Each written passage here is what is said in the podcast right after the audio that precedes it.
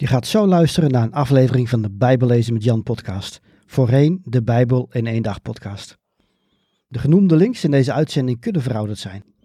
Kijk op bijbellezenmetjan.nl of in de omschrijving van deze aflevering voor meer informatie over hoe ik mensen en kerken kan helpen met het lezen, begrijpen en geloven van de Bijbel.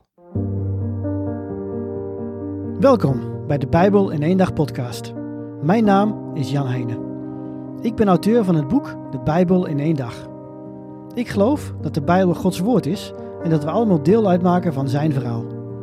De Bijbel is ook een vreemd boek soms. Ik help christenen de Bijbel te lezen, te begrijpen en te geloven.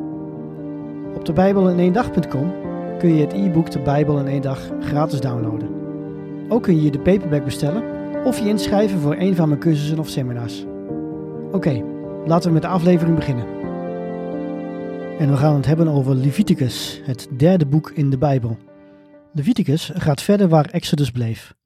Toch is dit Bijbelboek misschien wel het saaiste boek van de Bijbel. Zelf heb ik de neiging er zo vlug mogelijk doorheen te gaan. Er zit weinig verhaal in en staat bol van voorschriften waarvan we de meeste niet behoeven na te leven. Toch is Leviticus een uiterst belangrijk boek dat je moet kennen om de rest van de Bijbel goed te kunnen begrijpen. Exodus eindigde er namelijk mee dat God weliswaar te midden van Israël woonde, maar dat niemand hem kon benaderen. Zelfs Mozes niet. Dus roept God Mozes vanuit de tent. Hij kan de tent van de samenkomst dus niet binnengaan.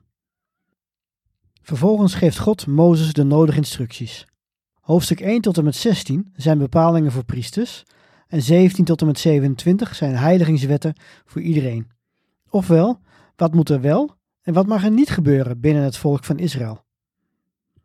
Als eerste vertelt God via Mozes aan het volk hoe ze moeten offeren. Feitelijk biedt God twee manieren van offeren aan om hem te bedanken en drie manieren om vergeving te vragen. Er zijn instructies voor de mensen die een offer willen brengen en instructies voor de priesters die daarbij helpen.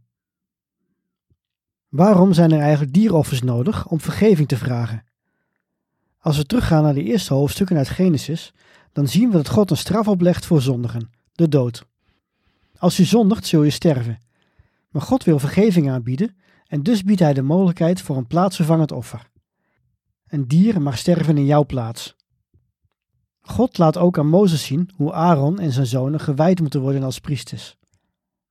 Dit is een uitgebreid ritueel, vol symboliek. Helaas nemen Aaron's zonen het niet zo nauw met de voorschriften. Ze bieden God een verkeerd vuur aan en worden ogenblikkelijk verteerd door het vuur van God. Ja, God wordt in Leviticus weer benaderbaar voor de mens, maar dat mag niet ten koste gaan van zijn heiligheid. Heiligheid is een begrip dat voor ons moeilijk te bevatten is. Stel je God voor als gekleed in een onberispelijk wit gewaad. De mens neemt zonde mee, in de vorm van modder aan zijn voeten en handen. Kan de mens dan dicht bij God komen? Nee. Het bestaat niet dat God wordt besmeurd. De mens moet eerst worden schoongewassen en net zo puur en schoon zijn als God zelf. God kon dus niet anders dan Aaron's zonen ombrengen. Zijn heiligheid kan simpelweg niet in het geding komen. Dat is een harde waarheid. God gaat verder met allerlei wetten die uitleggen hoe Israël om moet gaan met voedsel en ziekte. Er zijn veel theorieën waarom bepaalde dieren wel of niet gegeten mochten worden. Zo legt Ben Hobrink in zijn fantastische boek Moderne Wetenschap in de Bijbel uit dat in die tijd varkensvlees niet op een dusdanig hoge temperatuur gebraden kon worden dat het alle schadelijke bacteriën en wormen kon doden. Mensen zouden er dus flink ziek van kunnen worden.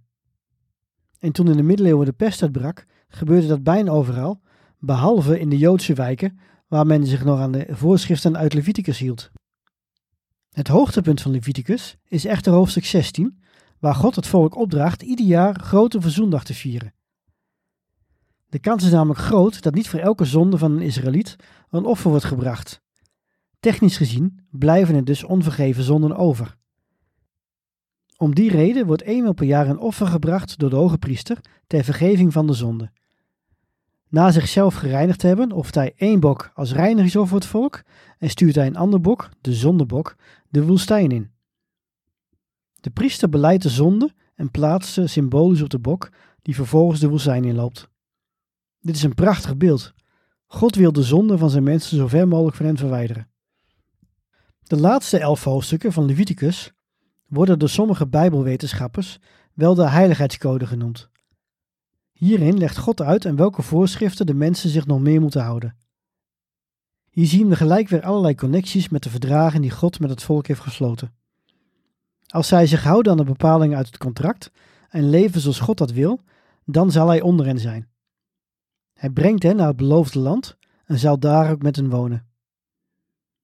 Doen ze dit niet, houden ze zich niet aan al deze voorschriften en zijn ze dus ongehoorzaam, dan volgen de straffen.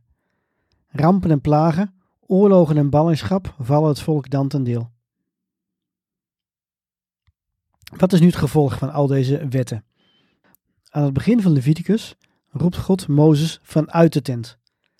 Maar wat zien we direct aan het begin van het volgende boek Numeri? Hij, God dus, hij sprak tegen hem in de ontmoetingstent. Gods plan werkt. Mozes kan namens het volk God ontmoeten op de plek waar hij verblijft. In het volgende Bijbelboek, Numeri, zullen we zien waar dat toe leidt.